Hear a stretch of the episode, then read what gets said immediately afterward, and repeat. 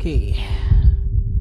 Selamat bergabung buat teman-teman yang udah hadir pada malam hari ini. Ini adalah uh, bagian dari acaranya Detektif ID itu Crime Fest Festival dengan berbagai macam acara. Nah, ini adalah mungkin acara yang ketiga ya setelah beberapa hari lalu kita udah ada acara. Nah, sekarang ini acara uh, lainnya yaitu tapi kita ngomongnya sih bukan di Zoom atau di Google Meet tapi di uh, IG Live. Nah, kebetulan yang akan kita uh, mulai hari ini atau kita bahas kali ini adalah uh, sebuah topik yang menarik yaitu sebuah topik mengenai tentang profesi detektif swasta di Indonesia. Nah ini kilas balik sedikit beberapa tahun yang lalu ya mungkin sekitar tahun 2012 saya itu pernah nonton di Mata Najwa. Itu mungkin episode uh, Mata-Mata waktu itu tuh ada menampilkan bahwa uh, Mata Najwa menghadirkan beberapa narasumber yang terdiri dari beberapa uh, tokoh dari detektif swasta yang ada di Indonesia yang dulunya kita cuma tidak percaya bahwa ini ada atau enggak sih sebenarnya ini uh, profesi ini di Indonesia. Apa seperti kayak di film-film di luar tapi ternyata ada uh, profesi ini di Indonesia. Nah waktu itu waktu saya lihat di mata najwa itu ya kemudian kita cari-cari lagi ternyata memang kalau kalian Google sendiri itu banyak sekali informasi terkait bahwa uh, profesi ini sebenarnya ada di Indonesia itu nah seperti apa ini mungkin banyak yang belum tahu tapi kalau dicari ditelusuri di googling tuh ada. Nah salah satunya kebetulan hadir pada malam hari ini yang nantinya akan jadi narasumber.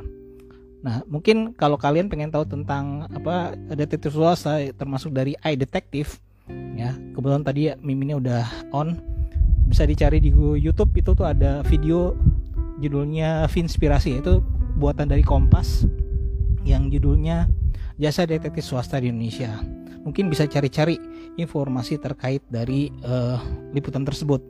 Nah, sambil menunggu uh, buat apa namanya narasumbernya hadir di tengah-tengah kita, tadi tadi sih udah uh, WhatsApp. Saya ingin mengucapkan uh, selamat bergabung di acara Crime Fest. Ini adalah acara bagian dari Crime Fest. Mudah-mudahan sih bisa ikutan ya di sini ya.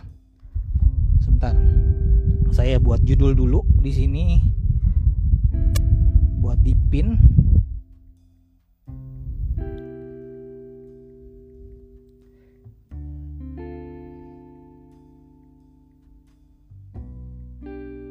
Ya, oke kita post dulu kita pin. Ya nah ini kayaknya udah ada nih uh, dari detektif Indonesia Hai Detektif. Mari kita uh,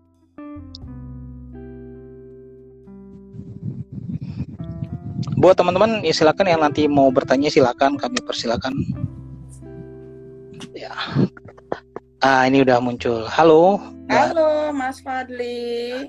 Halo Mbak Jessica. Ya sehat Mbak? Alhamdulillah Mas. Sehat. Apa kabar? Baik. Salam kenal Mbak ya. Atau biasanya baru WhatsApp aja. Tapi akhirnya sekarang bisa ngobrol. Iya. Tadi saya juga habis ngeliat-liat videonya nih Mbak, video lagi diwawancara ini di apa ya Kompas nih punya di YouTube di Inspirasi ya. Iya. Harian Kompas. Kompas. Uh, ini udah tahun oh, baru tahun kemarin ya 2020 Februari 17 iya, ya. 2020. Nah kita mulai aja kali ya buat mempersingkat waktu. Uh, mungkin ya yang belum tahu ya pengen kenal dulu uh, sebenarnya uh, Mbak Jessica ini sebenarnya nama asli atau bukan sih Mbak? Kalau boleh tahu. Boleh asli. Nama asli. Boleh boleh palsu bebas Enggak biasanya kan saya emang kalau ngeliatin video-video tentang detektif swasta yang ada muncul di TV itu kan banyak yang pakai uh, topeng, banyak yang pakai masker. Jadi kan uh, ini saya mikir oh, emang harus menjaga identitasnya. Nah, ketika muncul di publik apakah ini uh, identitas asli atau bukan itu kan kita nggak tahu, Mbak. Iya. Jadi pengen tahu. Nah, ini Jessica Putri berarti uh, itu ya nama asli ya berarti. Ya boleh asli, boleh palsu senyaman. Oke dah. Ya, nah ya. bisa dijelasin mbak, uh, mulai kapan ini akhirnya uh, gabung sama jadi detektif swasta, akhirnya pengen jadi gabung. Nah terus uh, bagaimana bergabung dengan iDetektif, terus uh, profesinya ini seperti apa sih gitu? Mungkin bisa jelasin sedikit. Oke, uh, saya jadi detektif swasta ya saya sebut ya jadi private investigator hmm. ya kurang lebih 10 yeah. tahun lebih lah ya mungkin ya mas ya uh gitu. oke okay. ya memang dari nah, itu awal mulainya sudah, kapan sudah, tuh uh, bisa dibilang sebenarnya job pertama saya sama ya sama sama manusia lainnya sama lah ya kita sekolah kita kuliah terus kita kerja sampai akhirnya ya kita tekuni profesi ini sampai ya di sinilah gitu gitu. Hmm. udah 10 tahun ya berarti ya, ya kurang lebih. Itu berarti ya, kurang lebih. Hmm. nah itu uh, awal mulanya akhirnya diajak bergabung sama iDetective itu gimana mbak waktu itu Uh, sebenarnya uh, sebenarnya kalau saya saya bisa sebut sebenarnya saya sebelumnya juga ada sempat ya di beberapa agensi. Uh, cuma memang saya uh, berakhir di sini ya. Berakhir. Di sedang berjalan di sini gitu ya. Oke. Okay. berjalan di sini gitu. Saya sendiri memang uh, di dunia investigasi swasta ini ya bisa dibilang cukup cukup lumayan lama lah ya mas ya dengan uh, dengan uh, waktu 10 tahun lebih itu gitu kan Hmm. Dan saya udah banyak juga sih emang baca-baca uh, profilnya Mbak Jessica itu di kemarin saya google googling itu emang udah banyak yang sering diwawancarai ya uh, oleh media-media dan itu memang berarti uh, waktu per, ketika memikirkan untuk menjadi direktur swasta tuh apa yang dipikiran ada di pikiran Mbak itu. Ah, saya pengen jadi profesi ini aja deh gitu. Saya saya memang apa ya? Saya memang wanita yang suka dengan tantangan sih, Mas. Saya suka hal-hal yang baru. Saya juga suka hal yang menarik gitu loh. Nah, kita jadi jadi private investigator ini kan setiap harinya kita menemukan kasus baru, kita menemukan kehidupan yang baru. Jadi bisa saya saya katakan kehidupan sebagai private investigator itu tidak tidak monoton gitu. Tidak repetitif lah, tidak hmm. kita ulang-ulangi aja kan kayak ngantor, kerja, berangkat, pulang gitu kan. Oh iya betul. Nah, kalau jadi private investigator itu berbeda gitu. Tiap beda kasus kita pasti akan jadi orang yang berbeda gitu. Hmm. Nah, ini uh, mungkin banyak sekali orang-orang yang pengen nanya tentang uh, profesi detektif swasta ini itu. Mungkin udah ada hadir beberapa teman-teman yang udah ingin mungkin nggak tahan untuk nanya juga mbak mungkin ya.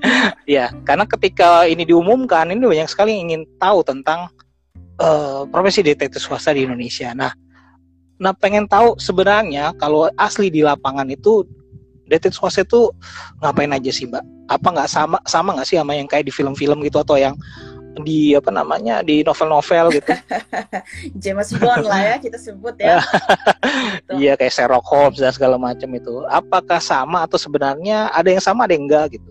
Sebenarnya gini Mas Fadli karena karena memang kita kalau kalau melihat dari kaca film ya gitu kan, wih hmm. detektif ini pekerjaan yang keren gitu kan, menarik. Hmm ya yeah. kan diper, diperalati oleh uh, teknologi canggih gitu kan ya bisa iya. manjat-manjat gedung lah ya bisa uh, ya kan alat-alatnya sebenarnya ekspektasi itu kan tidak selalu sesuai dengan realita gitu kalau kita nah, sebut ya yeah. nah realitanya itu di lapangan kita kadang mengalami kesulitan-kesulitan juga kayak kita nonton nih hmm. ya Mas Fadli kita nonton uh, uh, James Bond wih keren nih dia berangkat ngikutin orang gitu kan. Naik mobil mewah gitu kan. Kadang kita hmm. naik angkot loh gitu. Ya kan? Kadang kita kadang kita naik beca kadang kita jalan kaki panas-panasan terik gitu. Kadang hmm. kita juga harus apa uh, berkamuflase. Kadang kadang uh, kita juga harus uh, nahan pipis buat nungguin orang nggak keluar keluar kan itu tidak hmm. diceritakan hmm. dalam film-film gitu kan gimana iya, kalau kesannya betul. nunggu gitu atau investigasi Iya ya. Jadi emang sebenarnya emang berat ya gitu ya aslinya yang di dunia nyata ya, bukan seperti yang terlihat di film-film gitu kan. Iya. Iya. beda mas. nah, jadi beda. Oke. Nah, uh, saya juga setuju sama Mbak Jessica itu ketika saya dulu saya cita-cita pengen jadi detektif swasta juga dulu ya zaman dulu ya hmm. tapi ketika saya menonton nonton blognya uh, private investigator di luar negeri gitu ya mereka ada yang buat vlog gitu sampai mereka nungguin orang dari keluar dari apa namanya dari bangunan itu aja mereka nunggu di mobil itu bisa beberapa jam gitu ya seperti yeah. itu juga kan uh, yeah, yang dilakukan yeah. aslinya kan ya itu lah kadang kita cuma untuk ngambil satu gambar gitu ya mas sebutlah satu momen gitu kan. Sebut nih misal kasusnya adalah perselingkuhan gitu kan. Mau ini nungguin nih orang nggak keluar keluar cuma buat nungguin dapat foto kan. Sampai 8 jam gitu tungguin. Tanya orangnya mah asik-asik di dalam nggak lagi tidur gitu kan. Kita nungguin ya nahan yeah. pipis ya nahan lapar nahan haus gitu. Makanya segala sesuatu itu kita juga harus sudah mempersiapkan gitu. Hmm. Gitu. Itu adalah kendala-kendala nah, yang standar di lapangan di lapangan betul. Oke. Okay. nah sebenarnya yang pengen tahu juga kalau di dunia nyata itu eh, jasa apa sih yang ditawarkan sama detektif swasta itu? Buat kliennya mungkin untuk disebarkan atau apa ya diiklankan itu apa sih yang ditawarkan? Ya kita sih fokus dengan kasus-kasus yang bersifat individu saja dulu lah ya mas ya Ya personal personal itu ya. Ya betul. Kan karena kalau kita berbicara tentang investigasi kan investigasi itu luas ya Mas ya. Nah mungkin ya. mungkin di sesi ini saya akan mengkerucutkan saja untuk eh, kasus-kasus uh, yang uh, lebih sering kita tangani gitu ya di hmm. detektif ini Mas Fadli. Jadi kita memang lebih okay. fokus uh, kepada kasus uh, individual Mas. Jadi seperti hmm. uh, perselingkuhan atau pergaulan okay. bebas ya seperti itulah. Hmm. Pergaulan bebas itu berarti orang tua menyelidiki anaknya gitu atau minta iya, anaknya betul. diawasi atau gimana? Iya betul. Iya saya juga pernah baca ceritanya itu juga. Jadi apa ada cerita di mana anaknya sering main klub, terus uh, detektif yang ngikutin aja tuh dia ngapain aja laporin ke orang tua ya gitu kan? Iya iya. Oke oke oke. Nah Belum. itu tapi sebenarnya uh, itu biasanya klien-kliennya yang datang itu uh, apa aja? Permintaannya selain perselingkuhan tuh apa yang harus di uh, yang mereka minta gitu? Uh, bukti foto kah atau apakah atau cuma mereka itu kegiatan ngapain aja gitu? Uh, sebenarnya gini ya Mas Fadli. Kan kalau uh, private investigator ini kan memang uh, suatu service atau layanan yang memang diperuntukkan untuk uh, kalangan masyarakat dengan ekonomi tertentu lah ya kita bisa sebut seperti itu. Hmm. Jadi okay. memang kadang eh, hal-hal uh, ada yang memang kasusnya berat, ada yang memang kasusnya hanya sebatas ingin tahu keseharian saja gitu kan. Ya kita semuanya kita kita kita uh, kita kerjakan gitu. Kita ambil sesuai dengan kebutuhan dan permintaan klien gitu. Hmm. Jadi misalnya kayak tadi Mas uh, Mas Pati tanyakan, apa ini hanya mengikuti atau foto atau gimana itu tergantung dari kasus mas klien pengennya seperti hmm. apa gitu kan cuma di sisi lain kita juga uh, segimana mungkin tidak sampai uh, melanggar batasan-batasan hukum ya dalam pengoperasiannya seperti yeah. itu gitu sih nah iya nah kalau ini nih eh, nggak uh, semua orang kan bisa jadi detektif swasta mbak kayak kalau nggak ya, salah betul. saya baca uh, saya dengar dari inspirasinya Mbak Jessica jelasin bahwa kalau di AI Detect itu ada masalah rekrutmen dan segala macam. Nah, itu sebenarnya karakter-karakter si apa sih yang bisa jadi seorang private investigator gitu? Uh, kalau untuk karakter sendiri sih ya pasti yang pertama kita butuh orang yang yang uh, independen terus dia bisa nah. naik turun dalam artian dia bisa dibawa ke atas bisa dibawa ke bawah dalam arti kelas ya mas ya hmm. gitu karena hmm. kita bekerja sebagai uh, detektif swasta ini kadang kita kalau sudah masuk yang kalangan tinggi tinggi sekali gitu begitupun kalau yang uh, di bawah di bawah sekali gitu kadang uh, ya kita juga harus ke tempat-tempat misalnya tempat-tempat pembuangan sampah gitu kan atau hmm. daerah-daerah lokalisasi yang ece-ece gitu ya mas ya mohon maaf di sini iya, iya. Uh, hal-hal yang seperti itu gitu atau kadang kalau memang kasusnya lagi tinggi ya kita bisa gimana caranya berkamuflase dengan para sosialita ibu kota gitu kan? Itu hmm. gimana? Gimana caranya? Nah itu harus harus bisa gitu. Itu itu udah tolak ukur utama gitu. Hmm. nah ini kembali menarik juga nih tentang apa ya istilahnya ada yang bilang kalau uh, private investigator emang rata-rata ya. Yang paling banyak tuh kasusnya adalah perselingkuhan yang tadi mbak uh, Jessica kerucutkan ya uh, perselingkuhan itu paling banyak gitu maksudnya yang masuk ke dalam uh, apa namanya ya biro agensi detektif swasta gitu. Nah emang apa benar seperti itu mbak? Iya mas bisa disebut uh, kalau di kita di iDetective sendiri malah kasus perselingkuhan itu mendominasi 70%. Mendominasi 70% ya? Iya Berarti dan itu juga datangnya bukan dari orang sembarangan ya? Kadang-kadang ya, emang macam-macam sih mas gitu. Ad- ya ya ya sebenarnya memang untuk kalangan eh, mene- apa kalangan ekonomi tertentu lah ya cuma memang Iya. kasus ini kan kadang macam-macam ada juga yang misalnya eh, saya sebut merek ya misal Tinder gitu kan kencan online gitu Hmm. nih scamming nih ternyata orangnya bukan bukan yang asli gitu kan nah kita juga bisa selidiki itu sih Oh, gitu oke. Jadi itu bisa melakukan penyelidikan eh, apa ya latar belakang seseorang juga ya, ya itu Misalnya- kita seperti itu. Kita sebutnya kalau di investigasi itu namanya background check mas gitu Ya background check. Oke. Ya. Berarti emang paling banyak mendominasi emang detektif perseling- eh, perselingkuhan ya. Makanya banyak sekali di Google kalau kita cari emang rata-rata bercerita tentang hal itu ya.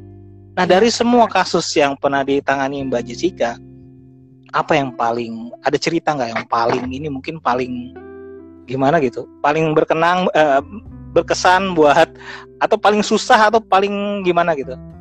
Eh, Ada nggak yang yang yang Iya iya, kasus banyak sih mas. Cuma mungkin kalau saya uh, cari mana yang paling, mungkin yang paling dekat kali ya, yang sedang ya, yang lagi baru-baru kali ya, yang bisa bisa, bisa, bisa- masih bisa saya ingat gitu.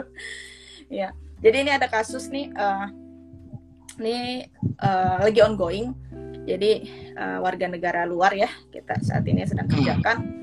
Uh, dia ini ternyata diguna-guna gitu. Ya kita percaya nggak Diguna-guna? percaya ya. Mm-mm, diguna-guna sama si pelakor inilah sebutlah si perempuan ini. Gitu sampai Oh. dia tuh tinggalnya di di ini dibikin ya gimana caranya demen banget deh sama dia gitu. Awalnya kan kita juga nggak percaya ya tapi pas kita ikuti memang agak aneh. Kayak si suami dari klien kita ini sampai rela kerja jauh tinggalnya jauh. Jadi kayak dia eh, tinggalnya di di Cikampek ya mas sebut ya. Di Cikampek. iya. dia tinggal di Cikampek kerjanya di Jakarta. Itu dia PP karena di Cikampek itu si pelakornya tinggal di situ. Itu kan kayak manusia mana sih yang mau Cikampek Jakarta setiap hari pulang pergi? Gitu kan. Nah, itu itu juga eh, unik sih gitu kan kayak bucin banget gitu kalau kita bilang gitu ada hal yang kayak gitu terus ada juga yang eh, ya Jadi itu jelidikin bahwa apa nggak benar dia di diguna-guna gitu ya? menyelidiki apakah apakah hubungannya ini sudah sampai ke tahap pernikahan atau belum menyelidiki Oh gitu. eh, si perempuan ini siapa gitu gitu dan menyelidiki kalau memang pernah diguna-guna nih di mana tempatnya gitulah mas kurang lebih Hmm. gitu Oke. Nah ada lagi ya yang tadi sempat kepotong apa? oh iya ya ini ada juga apa eh, ini namanya LGBT lah ya kita sebut yang sesama jenis gitu loh selingkuhnya gitu jadi si Hmm. istri sama suami ini ya sudah menikah sudah lama profesi suaminya juga cukup cukup terkenal lah ya kalau kita bisa sampaikan cukup Hmm. terkenal Eh, ternyata si si lakinya ini selingkuh dengan laki juga gitu nah Oh. kenalnya dari aplikasi gitu kenapa kok bisa selingkuh oh ternyata si perempuannya si istrinya ini memang nggak pernah nggak pernah ada di rumah sosialita gitu loh dia akhirnya nyadar kan Hmm. oh suaminya ternyata jadi kecowok karena ditinggal di Hmm. sama si istrinya itu unik sih itu unik itu unik gitu Itu kalau kayak gitu berapa lama tuh ngerjainnya Mbak? Berapa dalam kurun seminggu atau berapa hari doang atau bisa dapetin semua bukti-bukti gitu? Sebenarnya kalau untuk eh, eh, investigasi itu setiap kasus kan berbeda ya Mas Fadli. Iya. Jadi kadang ada yang bisa diselesaikan cepat, ada yang bisa lama gitu. Tergantung dari kebutuhan kliennya juga. Gitu Mas. Kebutuhan klien, tingkat kesulitan kasusnya gitu dan seba- eh, seberapa banyak data yang diinginkan oleh eh, si klien gitu. Hmm. Oke. Nah itu waktu pas ngerjain kasus itu tuh kira-kira apa aja yang dibawa Mbak? Peralatan apa biasanya untuk ya untuk mendapatkan bukti atau segala macam. Tadi ada sekalian yang nanya tuh tadi di di apa di di live ini gitu. Hmm. Kira-kira apa aja yang dibawa kalau untuk mematin orang atau apa gitu?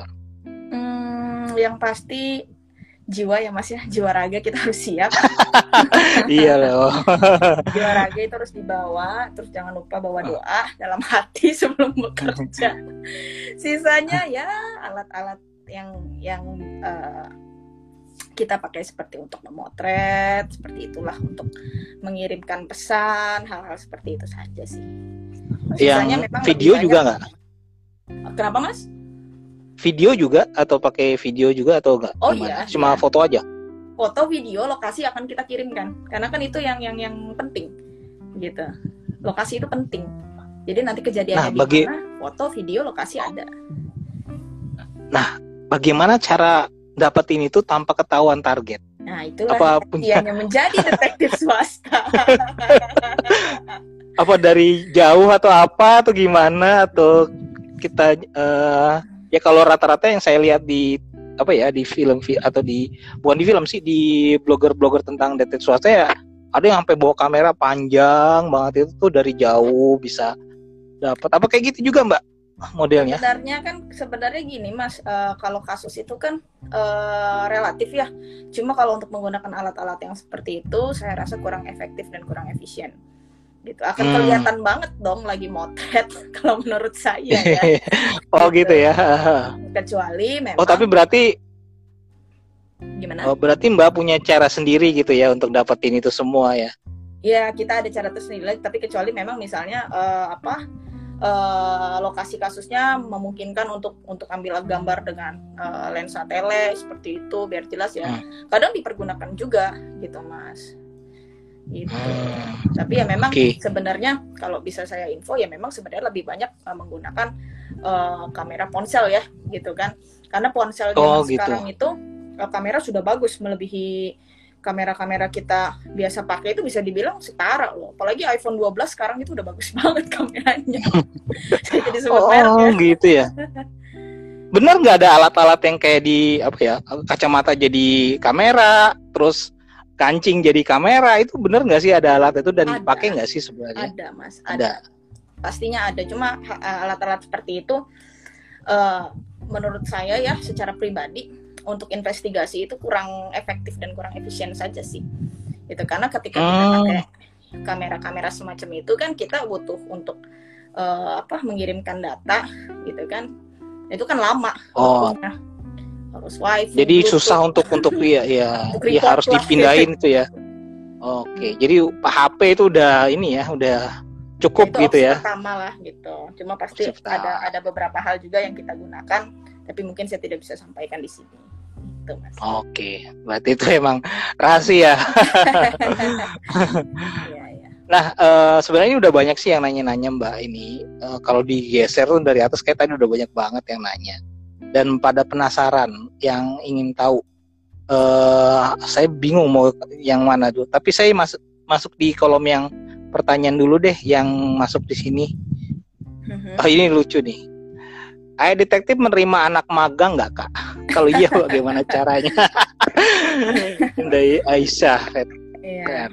Gimana kalau dari Memang sih banyak ya. Emang ada permintaan anak magang sejauh ini kita belum belum oh, gitu. uh, uh, uh, belum ke arah situ sih gitu karena memang untuk oh. untuk uh, terjun di dunia investigasi ini memang perlu keseriusan yang ekstra memang kita uh, pilih orang-orang yang memang profesional sih mas jadi hmm. untuk magang kayaknya belum sih gitu mungkin nggak tahu di okay. ke depannya gitu. nah mbak Jessica ini sebelum jadi detektif swasta punya profesi lain nggak mbak Apa? atau udah langsung oh aku pernah jadi uh, apa ya aku pernah jadi sekretaris direktur aku pernah jadi oh. asisten juga aku pernah pernah apa ya ya hal-hal yang perkantoran begitu juga aku jalani lah mas gitu kan cuma hmm. memang uh, basic aku di sini di di AI detektif memang selain private investigator ya saya sebagai investigation assistant di sini saya juga uh, apa sebagai uh, business development di mana untuk melebarkan sayap terus lah gitu. Oke, okay. sip. Nah ini ada juga juga pertanyaan ini dari masuk di sini. Uh, ini pengen tahu nih. Ciri-ciri umum apa saja yang kelihatan dari seorang pasangan yang selingkuh? ya kalau ciri umum ya ini juga sering kalau udah nyembunyiin ini ya mas nyembunyiin passcode ya udah harus hati-hati lah passcode handphone udah ditutup-tutup tuh udah kenapa nih gitu kan umumnya sih begitu ya Wah saya sering gitu mbak, gimana? Waduh jangan-jangan nih. Siapa nih handphonenya? Enggak, tapi emang uh, ya nggak tahu juga ya. Mungkin mungkin ini ada yang ciri-ciri umum yang biasa kelihatan gitu emang ya.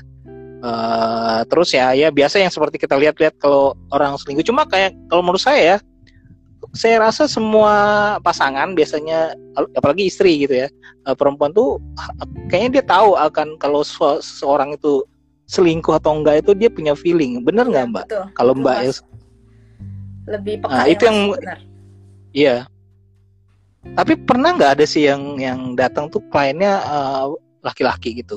Terus dia min, uh, pengen tahu ini istrinya selingkuh atau enggak gitu? Banyak Mas Fadli. Banyak banget. selingkuh tidak tidak melihat gender sih kadang Mas gitu kan. Iya nggak. Maksudnya uh, tapi yang iya emang sih kalau yang saya lihat-lihat kebanyakan emang laporan dari datang dari perempuan. Tapi ternyata laki-laki ada dan dan dan apa namanya ya ini juga parah-parah juga gitu ya kalau laki-laki itu biasanya kalau udah naruh hati itu mereka dengan sepenuh hati. Gitu kalau bisa saya bisa bilang ya masih ya, laki-laki itu kalau udah cinta banget nih itu dia bisa bucinnya lebih parah dari perempuan sih sepengalaman saya ya uh, dapat kali hmm. Dia kalau udah cinta laki-laki kalau udah cinta dia akan memberikan semua yang dia punya untuk si perempuan nih. Gitu kan? Mm. karena karena kalau bisa kita bisa kita uh, bilang uh, perempuan ini kan kalau selingkuh dia tuh licik mas. Kalau laki-laki jahat oh? jadi jahat jahat aja. Oke gue selingkuh selingkuh aja. Kalau perempuan biasanya ketika dia sudah selingkuh dia tidak mau kehilangan pasangannya. Jadi dia bermain cara lain. Makanya kita sebut licik lah kalau perempuan tuh. Umumnya ya tapi saya enggak sih. Oh. Iya iya oh gitu ya. Oh ini dapat ilmu nih dari dari mbak Jessica nih nah ini uh, saya juga penasaran ya. Uh, kalau nggak saya saya pernah baca di mana ya ada saya di di artikel kumparan atau apa ya? Uh, pernah ada klien nggak? Ini klien ini bener nggak? Ada yang pejabat atau ada yang artis sekalipun? Pernah nggak? Bener nggak? Ya banyak mas yang lagi on progress juga adalah artis. artis juga ada. Dan itu rata-rata perselingkuhan. Kalau artis rata-rata ya, artis ya. Oh gitu. Dan artisnya kita kenal semua pasti semua. ya adalah ya. saya ya saya paham pasti nggak akan dibocorkan. Cuma ya ini buat teman-teman aja yang pengen tahu. Dan ya berarti sama kayak di luar juga ya kalau, kalau artis sudah Iya, kalau ya. artis ini mungkin saya tambahin info ya, Mas, biar biar tambah penasaran. Hmm. kalau artis ini ser seru loh. Dia ini justru kadang kalau mau bertemu dia harus di private room, dia nggak mau di ru ruang terbuka. Jadi pasti uh, entah itu asistennya atau manajernya, dia akan siapkan tempat dengan atas nama bukan atas nama dia ya, gitulah. Sebutlah hmm. misalnya Mas Fadli artis nih, nanti dia bookingnya atas nama okay. Jonathan atas nama Jonathan oke okay. ah. nah itu dia datangnya juga sangat tertutup jadi dia kayak tidak mau terekspos sama sekali gitu nih se -se sering kali saya ketemu klien artis seperti ini gitu oh. Itu mbak eh, Jessica langsung langsung temuin gitu ya? Iya kadang minta ketemunya juga di dalam ini di dalam apa uh, private room yang kadang ada juga di kamar hotel gitu minta ketemunya minta didampingi banyak orang. Asistennya dia semua gitu kan. Gitu ada yang di uh, restoran atau room lah ya kita sebutnya room. Ya dia minta ketemu di situ ya udah gitu. Ingin ingin sangat terjaga privasinya terutama artis-artis yang ya tau lah ya the sultans oke okay. gitu. tapi mereka uh, itu cari bukti perselingkuhan itu apa buat mereka untuk uh, apa nge-filing untuk cerai atau cuma hanya pengen tahu aja ya ada yang ke arah sana ada yang ada yang uh, pengen uh, dendam-dendaman lah gitu kan ya kita urusan pribadi kadang oh. gitu ini sih mas atau ada juga yang ingin pembuktian oh, okay, okay, okay. sebenarnya yang selingkuh siapa sih? gitu. Aku di media dijelek-jelekin aku yang selingkuh padahal yang selingkuh nih kamu gitu kan. Coba cari buktinya deh mbak. Saya yakin nih dia selingkuh. Ya kalau dia selingkuh ya kita berikan. Kalau memang dia nggak selingkuh ya enggak gitu. Jadi kita fair lah intinya. Oh ya, oke, okay. itu menarik deh, menarik. nah, di luar kasus perselingkuhan, apa yang paling pernah Mbak hadapi yang mungkin ya sama kayak tadi uh, berken, uh, terkesan atau uh, apa ya uh, apa namanya ya pokoknya teringat lah gitu. Ini kasusnya unik juga gitu. Uh, ada nggak apa ya nyari orang. Tapi nyari orang juga sebenarnya kasusnya perselingkuhan juga sih mas. Kayak oh. cari ternyata lagi di apa di klub gitu kan oh kar kasus menghilang gitu ya iya menghilangkan diri. Ada juga oh ya ini ada ada ini mas. Uh, ini kan lagi musim corona nih. Saya tuh iya, beberapa yeah, yeah. kali dapat klien yang suka eh dapat target yang pura-pura mati gitu. Ah jadi, bisa? Iya. Jadi buat ini, apa? klien saya nih uh, eh, WNA ya. Saya dapat ini sering banget nah. nih pas 2020 klien kita ini WNA terus uh, pacaran lah sama orang Indonesia nih LDR ceritanya.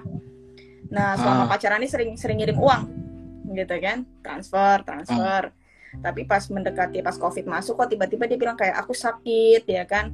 Terus minta dana lagi udah dikirimin terus dibilangnya aku di rumah sakit.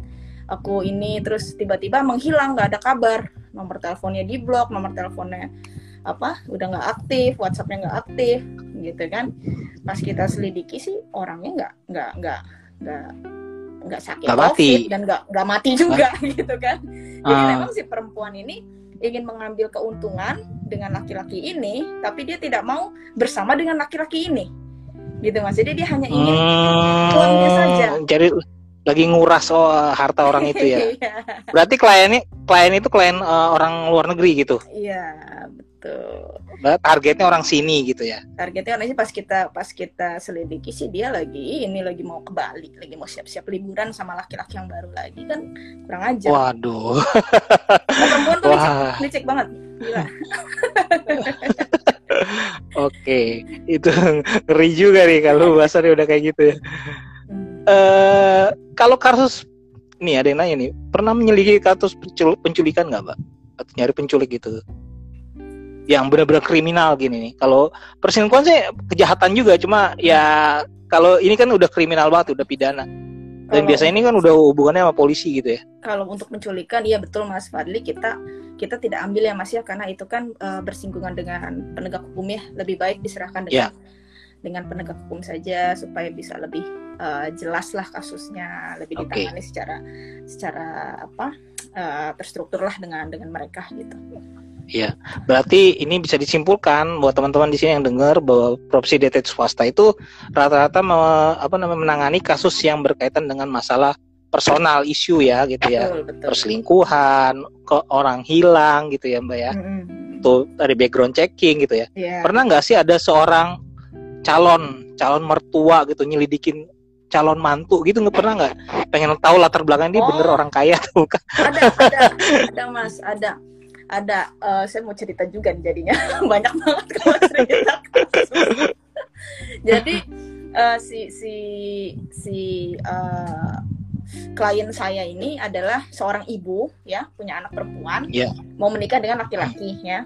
Laki-lakinya yeah. ini satu kantor dengan si perempuan ini gitu kan. Cuma kok uh, si laki-laki ini kok tidak pernah ngasih tahu keluarganya di mana, uh, tinggalnya di mana itu tidak mau. Tapi anak laki-laki ini nih si cowok ini calon mantu ini sopan yeah. sekali, sopan, pinter, anaknya berprestasi juga dari cerita dia selama dia kuliah beasiswa sampai S2 gitu kan, terus sampai apa uh, ke rumahnya ke rumah si perempuan ini sopan akhirnya kita selidiki penasaran kenapa sih kok nggak mau nggak pernah mau mengenalkan keluarganya, nggak pernah ngasih tahu tinggalnya di mana, gitu kan. Nah kebetulan si klien kita ini memang bisa disebut orang ada lah ya, gitu. Akhirnya hmm. kita selidiki si laki-laki ini, ternyata alasan dia tidak mau mengenalkan keluarganya atau belum mau lah ya, itu karena kondisi hmm. ekonomi keluarganya tuh sangat terpuruk sekali, mas.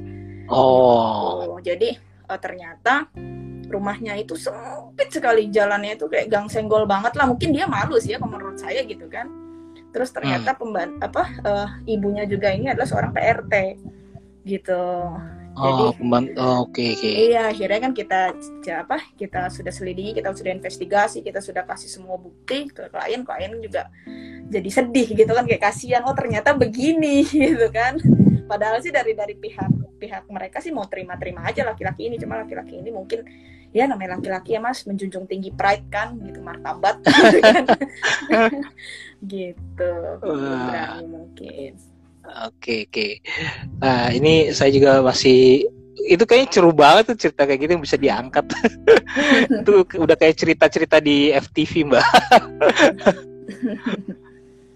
nah eh, kendala apa sih yang paling? Eh, tadi kan saya kalau nggak salah sebelum ini saya posting beberapa apa ya enam tugas terberat gitu ya kalau nggak salah ya. Mobile safe apa namanya seorang private investigator. Nah, seperti itu juga nggak sih yang dialami sama Mbak Jessica gitu, misalnya eh, kesulitan untuk apa namanya mengikuti target yang bergerak atau eh, atau nerima kalau nggak salah tadi ada postingan yang 6, 6 tugas berat tuh yang saya kutip dari vlognya eh, detektif eh, swasta di luar gitu. Mhm. Apa itu juga termasuk kendala Mbak, kendala-kendala dalam di lapangan gitu yang mungkin banyak orang nggak tahu gitu. Ternyata susah juga gitu.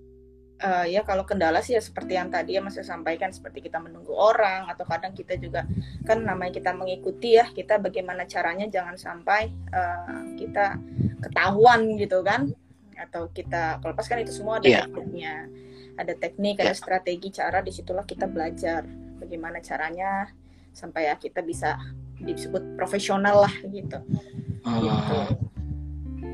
Nah, itu kayak strategi itu rahasia ya. Iya. Oke oke oke gak apa-apa. Jadi eh, kali itu emang berarti emang rahasianya eh, profesi dari detektif swasta ini dari eh, private investigator ya. Nah, eh, saya mau nanya juga, Mbak bekerja ini sendiri atau ada timnya atau ada mungkin beberapa. Biasanya kalau saya lihat ya kalau kayak model di luar-luar tuh sampai- ada temen ada berapa tim gitu loh. Nah kalau dari Mbak Jessica rata-rata sendiri atau ada timnya atau gimana? Kalau kalau kita, kalau iDetective sendiri, eh, maaf, mas ini saya sinyalnya agak naik turun kayaknya. Oh nggak apa-apa. Halo, Iya ya halo bisa. Eh, jadi kalau di iDetective sendiri, eh, kita yang pastinya eh, kerja itu tim ya mas ya, tim gitu, Hmm. terutama untuk kasus-kasus seperti perselingkuhan. Nah tim itu juga kita akan eh, eh, apa eh, mix ya, mix personil gitu, yang perempuan, yang laki-laki gitu, atau tergantung kasus. Misalnya kasusnya adalah eh, orang ini sebutlah eh, pengepul sampah ya mas, misal target kita adalah seorang Hmm. pengepul sampah, tinggalnya di daerah yang eh, agak agak low ke bawah lah gitu. Ini kita harus cari agent-agent yang mukanya masuk untuk tinggal di daerah itu kan nggak mungkin kita cari agent yang mukanya glowing ya kan, bajunya bajunya Gucci, celananya Balenciaga kan nggak mungkin kita taruh Iya. situ gitu, gitu. Gitu, Oke jadi benar-benar harus harus punya ada tim yang untuk bantu gitu yang khusus tempat eh, kasus-kasus tertentu gitu ya ya, intinya betul betul betul. lokasi tertentu.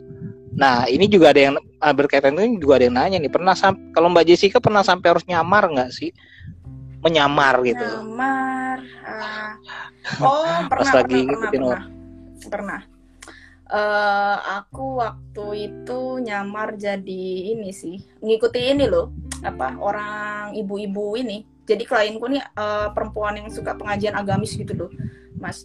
Hmm, Agamis ya kan, jadi yang memang, uh ibu-ibu jilbaban semua. Terus itu kalau masuk ke tempat Iya. pengajian dia, ya wes nyamar jadi pakai jilbab, ibu-ibu oh jadi Oke. ibu-ibu jadi ibu-ibu pakai kacamata tebel aku tebelin gitu kan ya udah nyampur aja di situ ikut ngaji ikut doa-doa berarti itu ah, berarti harus mempunyai kemampuan bersosialisasi juga ya, mengkomunikasi ya seorang Betul. detektif swasta gitu ya Mbak? betul itu sangat penting mas Ah. bagaimana caranya juga jangan sampai ya lingkungan sekitar kan notice ini, ini orang siapa ngapain gitu kan jadi kita harus pinter-pinter lah Ah, berarti emang emang harus pinter-pinter bener. Emang kalau orang yang yang banyakkan di rumah doang kayaknya susah. Saya dulu pas tahu ada beratnya susahnya itu ngikutin orang itu apa gimana ya wah saya nggak cocok kayak jadi detektif karena pemalas saya orang mbak. Oke ini kan bisa eh, banyak juga yang nanya-nanya. Nah ini juga yang paling eh, ini juga paling banyak ditanya dan ini saya, saya juga mau nanya mbak. uh, sebenarnya profesi detektif swasta ini uh, apa nih izin nggak sih atau ada license kayak di luar nggak atau uh, istilahnya yang itu ada udah legal belum sih gitu mbak? Ya sebenarnya gini Mas Fadli ya kalau untuk hmm. license hmm. gitu kan atau legalitas sebenarnya memang uh, private investigator itu di luar negeri ya di luar negeri kita sebutnya hmm. di UK atau di di uh, Amerika. Amerika itu kan hmm. uh, sudah ada payung hukum ya jadi profesi mereka juga ya. dilindungi yeah. nih secara hukum gitu ya. sudah yeah. dilindungi gitu nah kalau untuk uh, private investigator di Indonesia sendiri memang uh, ya sangat disayangkan ya kita belum dilindungi oleh uh, payung hukum gitu jadi belum seperti pengacara lah. Kalau pengacara kan sudah dilindungi itu jelas banget. Lawyer yeah. ada pradi hmm. gitu kan. Kalau kita hmm. memang memang belum ada legalitas yang mempayungi kita gitu. Belum ada hukum yang melindungi kita. Jadi uh, bagaimanapun saat investigasi kita memang harus uh, sangat uh, memahami standar etika negara dan jangan sampai melanggar batasan-batasan hukum yang berlaku gitu mas. Nah itu hmm. kita harus harus paham dasar-dasar itu juga jangan yeah. sampai kita melakukan hal yang nantinya malah uh, akan bersinggungan dengan uh, urusan polisian kan seperti itu. Iya iya. Gitu. Ya ke ke kebetulan saya juga baca ini di artikel kumparan ya dari Mabes Polri nggak salah. Mabes Polri itu dia dalam tanda kutip dia bilang bahwa profesi uh, ini belum memang ada belum ada payung hukumnya hmm. dan rata-rata cuma mereka belum pernah nemu uh, itu kan uh, selama mereka tidak melakukan hal yang ber yang apa berbau pidana hmm. dengan melanggar undang-undang itu sebenarnya tidak masalah gitu yang penting apa yang dilakukan katanya bukan karena juga walaupun seandainya belum ada payung hukum juga belum ada yang bisa uh, menindak gitu kan maksudnya Mbak ya? Ya betul karena kan memang yang kita kerjakan juga kan hanya urusan personal gitu loh Mas gitu. Hmm. Nah kadang per urusan personal juga kan klien kita ini punya kuasa hukum sendiri gitu jadi ya hmm. ya memang mereka tahu apa yang akan mereka lakukan gitu kan mereka butuh ini untuk apa ya. gitu. Lalu di sisi lain juga uh, apa uh, kita kan juga ada batasan gitu ya mana yang yeah. mana yang uh, kayak tadi penculikan bisa nggak sih uh, mencari itu kan bukan urusan kita nih mas ya tapi yeah. kalau kayak sebutlah perselingkuhan saya rasa uh, penegak hukum itu sudah sangat sibuk sekali kalau harus ngurusin hmm. masalah perselingkuhan juga itu bukan kerja yeah. mereka itu makanya hadirlah hmm. kita detektif swasta yang memberikan uh, servis jasa untuk kalangan ekonomi tertentu untuk mengungkap bukti-bukti dari kejahatan pernikahan atau hubungan. Oke. Ini saya juga lagi buka hukumonline.com. Ini juga ada ini uh, judulnya legalkah profesi detektif swasta di Indonesia dan pas saya baca tadi sebelum kita buka acara ini dan ternyata memang apa yang dilakukan private investigator selama dia bukan tidak breaking and, and entering terus yang hacking masalah hacking email atau nyadap telepon itu itu uh, itu yang yang dilarang ya. Sisanya nggak masalah termasuk ikutin orang ngambil foto itu saya baca di sini nggak apa-apa katanya. Apa ya. semua detektif itu pasti tahu dengan hukum gitu berarti ya. Harus paham pidana juga ya. Sebenarnya memang harus sih mas. Sebenarnya juga saya hmm. kayaknya hmm. pengen sih bikin buku ya mas tentang detektif swasta. Hmm. Wah, apa ini? itu non fiksi non fiksi non fiksi ya non fiksi ya betul oh iya ya berarti uh, buku tentang masalah itu Oke oke. Oh bagus tuh mbak itu siapa tahu nanti bisa dibuat apalagi udah banyak pengalaman udah 10 tahun kan mbak. Ya nanti kita kita apa sama Mas Fadli komunikasi aja lah selanjutnya. Oke. nah ini juga banyak sih yang nanya ini di luar dari question tadi juga banyak sih uh, ini kalau syarat utama untuk jadi agen apa aja mbak? Selain harus pinter ngomong gitu. Ini pertanyaan-pertanyaan tadi sebenarnya udah dijawab ya. Cuma ya. gimana mbak? Uh, ini udah sudah sudah dijawab sih mas tadi ya. Memang ya oke. okay. mau di nah ini nih. lagi. Iya nggak usah. Berarti ini aja nih ini ada nggak? Ini juga pertanyaan ini mbak pernah nggak sih keta ketahuan target gitu? Dan akhirnya diancem gitu kalau untuk diancam sih so far belum ada ya mas yang berani mengancam hmm. gitu kan atas dasar apa gitu kan karena sebenarnya yeah. ini itulah dia kenapa kita harus harus cerdas dalam berbicara ya jadi uh, pahit-pahitnya ketahuan itu pasti adalah apalagi saya sudah 10 tahun gitu kan mas berkecimpung di hmm. dunia investigasi itu bullshit banget kalau nggak pernah yang namanya ke gap gitu kan ya kita pernah ketahuan pinter-pinter kita aja Oh. gitu saya Hmm, pernah dapat oke. satu satu kasus ya saya saya cerita ceritanya gini saya lagi sama partner saya berdua cowok ya Hmm. di apartemen harian ya nah ternyata hari, targetnya check in di hotel situ otomatis eh di apartemen situ dan akhirnya klien minta kita untuk stay juga di situ ya kan karena Hmm. karena dia bisa bisa memberikan akses untuk untuk check in itu ya kan jadi akhirnya kita check in di situ di depan kamar pas pas ini unik sih pas dia keluar saya ada kelu- ada kelupaan tuh saya eh, apa motret itu bunyi gitu loh. Ya kan? Oh. motret wah dia tahu kan gitu. Tapi saya motret dari dalam ceritanya. Akhirnya dia nyamperin ke kamar saya. Dia nyamperin ke kamar saya saya telanjang aja pura-pura buka baju gitu kan. Tapi nggak yang literally telanjang. Terus saya teriak Ah. tolong ada yang mau perkosa saya gitu Wah itu beneran mbak. iya udah udah kepalang ke gap gitu kan. Oke terus partner saya tidur kan dia bangun apa? Tolong ada yang mau perkosa saya sebelum gitu. Udah tuh udah kepalang kaget akhirnya kita ke bawah lah. Begitu ke bawah diusut lah nih eh, apa kata dia? "Eh, anda siapa? Saya saya dengan dengan apa dengan rekan saya gitulah anda siapa? Itu check in di situ dengan siapa? Akhirnya panjang kan akhirnya dia Ya.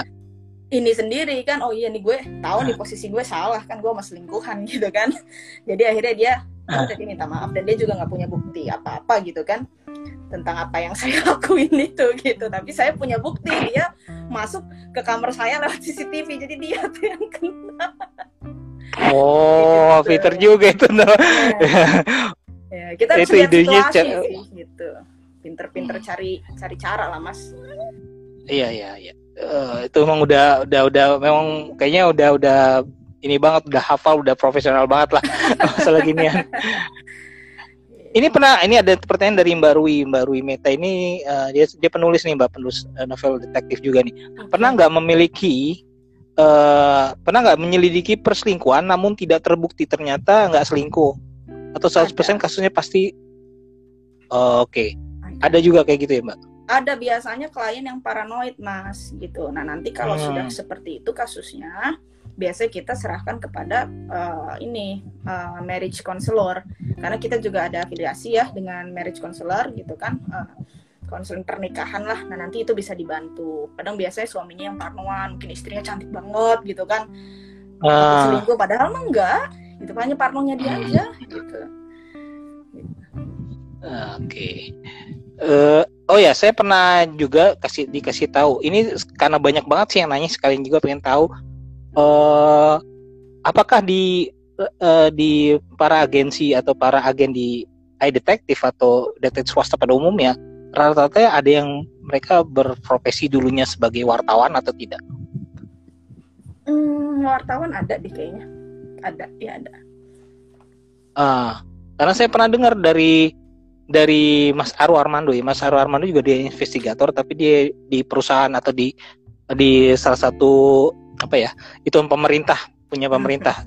Mirip seperti KPK tapi dia lebih ke ngawasin se untuk perusahaan-perusahaan yang nakal gitu lah. Hmm, Nah, dia bilang bahwa rata-rata yang saya tahu dia bilang di lapangan banyak kan tuh investigator rata-rata pernah berprofesi sebagai wartawan. Ada yang pernah, ada yang enggak gitu. Dan katanya karena ketahanannya tinggi. Bener nggak sih Mbak? Emang harus eh, yang eh, apa namanya harus kayak begitu sampai ketahanan yang tinggi yang dibutuhkan gitu dalam ketahanan menjadi seorang ketahanan dalam swasta. arti eh, bertahan di lapangan ya, ya? Stamina-nya ma- ya bertahan di lapangan gitu. betul betul kita harus sangat sangat fit stamina sangat kuat dan kalau bisa kita sejauh ini ya yang saya tahu kita tidak menerima yang agak apa tidak ideal lah tinggi badan Yang sama berat badan gitu. gitu ya ngomongin gak enak nih takut gitu. karena biasanya ketahanannya agak agak ini agak minim lah gitu kalau yang seperti itu gitu jadi memang harus ideal Oh berarti fisik itu juga dilihat dilihat Mbak ya? betul betul Oh jadi pas perekrutan itu ada dilihat begitu ya sampai seperti itu juga ya? Iya, karena kebanyakan eh, kalau yang eh, apa tidak ideal nih mas eh, berat badan dengan tinggi badannya, kadang Iya. ketika dia di ditaruh di suatu lokasi atau di suatu tempat tertentu dia tidak bisa bertahan, bisa jadi gampang kepanasan gitu kan, atau hmm. agent yang gampang beser dikit-dikit pipis dikit-dikit kan itu kacau gitu kan? Kita oh, iya nggak lucu ya. mulu pipis kan gimana gitu. Gitu kan? Aduh atau yang punya samurat gitu ya harus fit sih mas gitu. Iya benar benar. Ini juga ada yang nanya juga nih mbak. Valevi 3968 dia apakah menjadi detektif swasta berarti harus bersiap bertentangan dengan kepolisian? Emang kayak gitu mbak? Kayaknya dan kalau misalnya ada sebuah konflik of in iya kan? ya, karena emang tidak ada hubungan ya iya tidak ada hubungannya ini ini beda ranah. Dengan kepolisian. Nah ini ngomongin tentang masalah kepolisian dan detektif swasta jadi ingat ini tahun 2018 ini saya pernah dengar dari komisaris Kompol Bayu Suseno saya pernah ketemu dia ngobrol dan dia pernah ngomong bahwa memang sedang direncanakan bahwa akan melegalkan detektif swasta. Ya, kita Cuma nanti semuanya ya. nah, kita nah, tapi nanti semuanya akan tapi nanti semuanya akan dibawa sama Polri gitu. Gimana menurut Mbak Jessica ya, kita kalau seandainya? saja Mas. Kalau saya sih pasti berharap hmm. yang terbaik ya, gitu kan. Hmm. Biar win-win solution lah, gitu kan yeah. sama-sama enak sama-sama jelas gitu. Ya. Tapi kalau seandainya uh, uh, sampai saat ini belum pernah ada detektif swasta yang terlibat masalah hukum, Mbak, ketika dalam melakukan tugas? Kalau saya sih tidak bisa bicara banyak ya, Mas ya, karena kalau kita bicara hmm. satu-satu private investigator di Indonesia itu kan ya ya ada ininya masing-masing lah, ada ruangannya yeah. masing-masing gitu. Hmm. Gitu. Tapi uh, berarti emang ya itu nggak bisa diomongin juga ya kayak karena uh, saya yang saya ingat dulu pernah ada omong kalau seandainya klien kliennya tahu gitu kliennya tahu di, mereka diikuti dan apa nah kata Mabes Polri dia bilang kalau seandainya klien itu merasa terganggu dan dia bisa uh, merasa apa sangat terganggu itu bisa masukin pasal perbuatan tidak menyenangkan gitu itu dia nah, mas makanya makanya begini mas Fadli ya kalau kita hmm, bicara yeah. masalah masalah hukum itu itu kan sudah masalah hukum ya kita juga akan lihat yeah. kasusnya apa satu kasusnya apa. Nah, kita di detektif ini kan memang uh, bisa bisa kita bilang kita menegakkan kebenaran. Jadi kita tidak akan mengambil hmm. kasus yang sekiranya uh, ini tujuannya nggak baik, gitu, Mas. Hmm, ya, iya. itu itu itu kita tidak akan ambil kayak seperti itu. Nah, yang kedua adalah uh, klien ini biasanya dia harus sudah sudah sudah punya tujuan investigasi ini untuk apa gitu dan bagaimanapun caranya kita investigasi kalau sudah ada uh, hal seperti itu itu berarti yang ngikutin bukan detektif dong kalau detektif ya jangan hmm. sampai ketahuan gitu gimana sih Bisa iya berarti itu dia gagal ya sebagai detektif ketahuan iya, iya, iya. oke oke oke ya berarti emang uh, memang ada resikonya ya tapi uh, cuma emang kita harus pintar-pintar dan tahu uh, juga harus bisa ibaratnya melawan dari melawan dari misalnya mereka mengirimkan tuduhan kita tahu bahwa Eh, nggak uh, seperti itu juga gitu. Kita juga punya counternya gitu ya sebagai detektif swasta. Ya, kita kita harus memimpin situasi sih Mas. Lagi pula uh, kalau menurut saya ya Mas Fadli, setiap pekerjaan, setiap profesi pasti memiliki resiko Mas. Gitu kan. Hmm. Kita kita sebut sajalah misalnya uh, bartender bisa kena resikonya kesiram alkohol, kena api gitu kan. Ya atau juga tukang sapu jalanan bisa jadi uh, ketabrak orang yang kerja di pertambangan minyak bisa jadi meledak gitu kan semua yeah, iya. ada yeah. ada risikonya termasuk, resiko yeah. termasuk detektif swasta juga punya resiko yeah. wartawan juga ada resikonya mbak betul mas Fahri oh, iya. nih iya jadi jadi kalau misalnya saya pernah soalnya apa ngalamin juga nulis artikel terus ditelepon sama orang. Apa-apaan yang mau dilaporin ke wajar untung yang ngadepin udah editor. Karena karena emang ada uh, dan itu tidak perlu ditarik beritanya gitu. Jadi emang emang semua pekerjaan ada resikonya ya ya kapan-kapan apalagi? Mas ngopi-ngopi kita ya enggak? Siap itu. Ngobrol-ngobrol waktu itu oke oke oke. Bisa bisa. Nanti uh, kapan-kapan mungkin. Nah, uh, kayaknya ini waktunya sebentar lagi karena ini kita udah nggak kerasa udah mau satu jam aja nih Mbak. Tapi banyak sih banyak yang bertanya tentang uh, apa namanya detektif swasta ini. Uh, saya nggak tahu mau jawab yang mana karena beberapa pertanyaan mirip-mirip gitu. Hmm. Jadi kayaknya uh, kalau pertanyaan saya terakhir mungkin kira-kira uh, sampai sekarang iDetective ini udah berapa anggotanya? Udah Hmm. tersebar sampai di mana? Kan Mbak Mbak ini juga bisnis development gitu kan? Hmm. Nah, apakah udah ada di beberapa cabang kita- di kota-kota lain? kalau kita kalau kita sebut sebut wilayah ya mas ya eh, Ya. untuk saat ini ya saat ini terutama semenjak covid ya kita sudah mulai mengkerucutkan wilayah operasi jadi kita untuk saat Hmm. ini cuma Jawa Barat Jawa Timur Jawa Tengah aja dulu gitu kan cuma Hmm. kita mungkin eh, dulu sih sebelum covid kita eh, bisa sampai ke Bali lah ya Bali Kalimantan Sumatera tuh kita masih provide cuma untuk sementara ini Hmm. kita provide wilayahnya untuk Pulau Jawa dulu lah gitu soalnya nggak bisa ke mana-mana Oh. juga mas repot ya Iya, kan? benar-benar. Terus Iya, benar-benar. Gak lucu ya direktur swasta di swab gitu. terus dikirim ke wisma atlet gitu. Oke. Eh, terus yang ini yang paling banyak juga ditanyakan. Kisarannya berapa nih mbak kalau nyewa detektif swasta? Apakah ini rahasia atau saya yakin mungkin nggak bakal disebutin. Cuma eh, sebutin aja. Kira-kira bisa beli ini gitu bisa.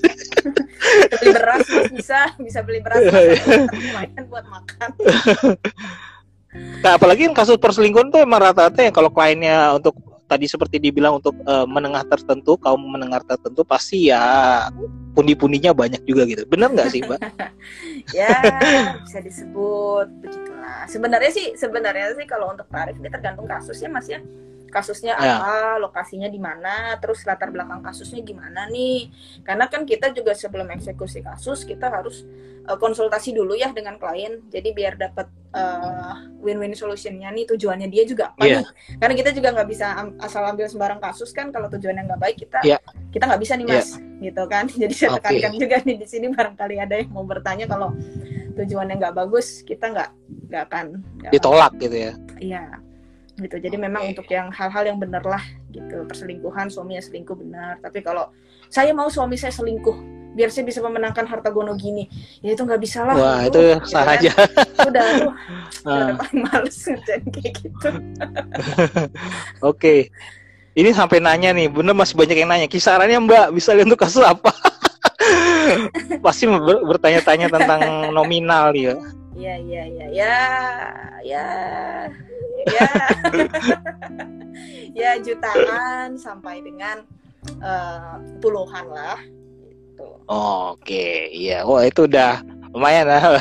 Tapi kerjanya juga penuh resiko, teman-teman. Emang karena eh, pekerjaannya penuh risiko, jadi emang ya segitu ya. Emang ter- tapi tergantung dari kliennya dan kasusnya ya, Mbak ya. betul betul betul mas bisa dikondisikan lah itu sih masalah biaya bisa dikondisikan Siap. Nah, oke. Nah, mungkin cukup itu Mbak yang kita obrol-obrol selama sejam ini. Kayak sih menurut saya masih kurang sih Mbak. Cuma karena Instagram live ini emang cuma satu jam, jadi eh, habis itu nggak bisa lagi. Jadi mudah-mudahan eh, waktu kalau ada kesempatan kita bisa ngobrol lagi nih menggali tentang ya ayah detektif, detektif swasta, eh, profesi ini di Indonesia seperti apa nanti ke depannya juga seperti apa dan mudah-mudahan segera dilegalkan gitu ya. ya semoga Begitu kan ya ya harapannya. Hmm, betul biar ada payung hukumnya biar kita dilindungi juga gitu mas Ya, siap.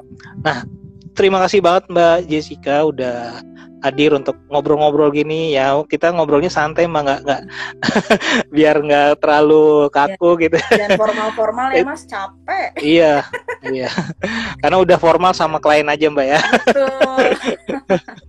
Oke, itu eh, terima kasih banget udah mau diajak eh, apa namanya diajak ngobrol di live Instagram Detektif ID dan mudah-mudahan sih karirnya Mbak Jessica dan iDetective itu lancar depannya dan semua kasus-kasusnya juga yang dikerjakan sekarang ongoing itu juga lancar. Mudah-mudahan eh, demi kebaikan klien juga ya gitu. betul Oke, ya terima kasih. mas Fadli Oh, tuh ada nanya Mbak IG-nya apa? Kalau pengen tahu, bisa silakan dicari ya. I, eh, iDetective itu detektif Indonesia ya, ya Eh, sama detektif Jessica gitu ya. betul itu akun saya Iya. gitu kalau mau tanya-tanya Oke. bisa DM aja kalau ada Nah, persoalan lainnya bisa ya klik message atau WhatsApp ada nomor Iya. nomor admin bisa Iya. ngobrol kalau admin. untuk kalau untuk teman-teman penulis yang pengen eh, apa ya ngeriset gitu tentang detektif swasta itu bisa juga ya.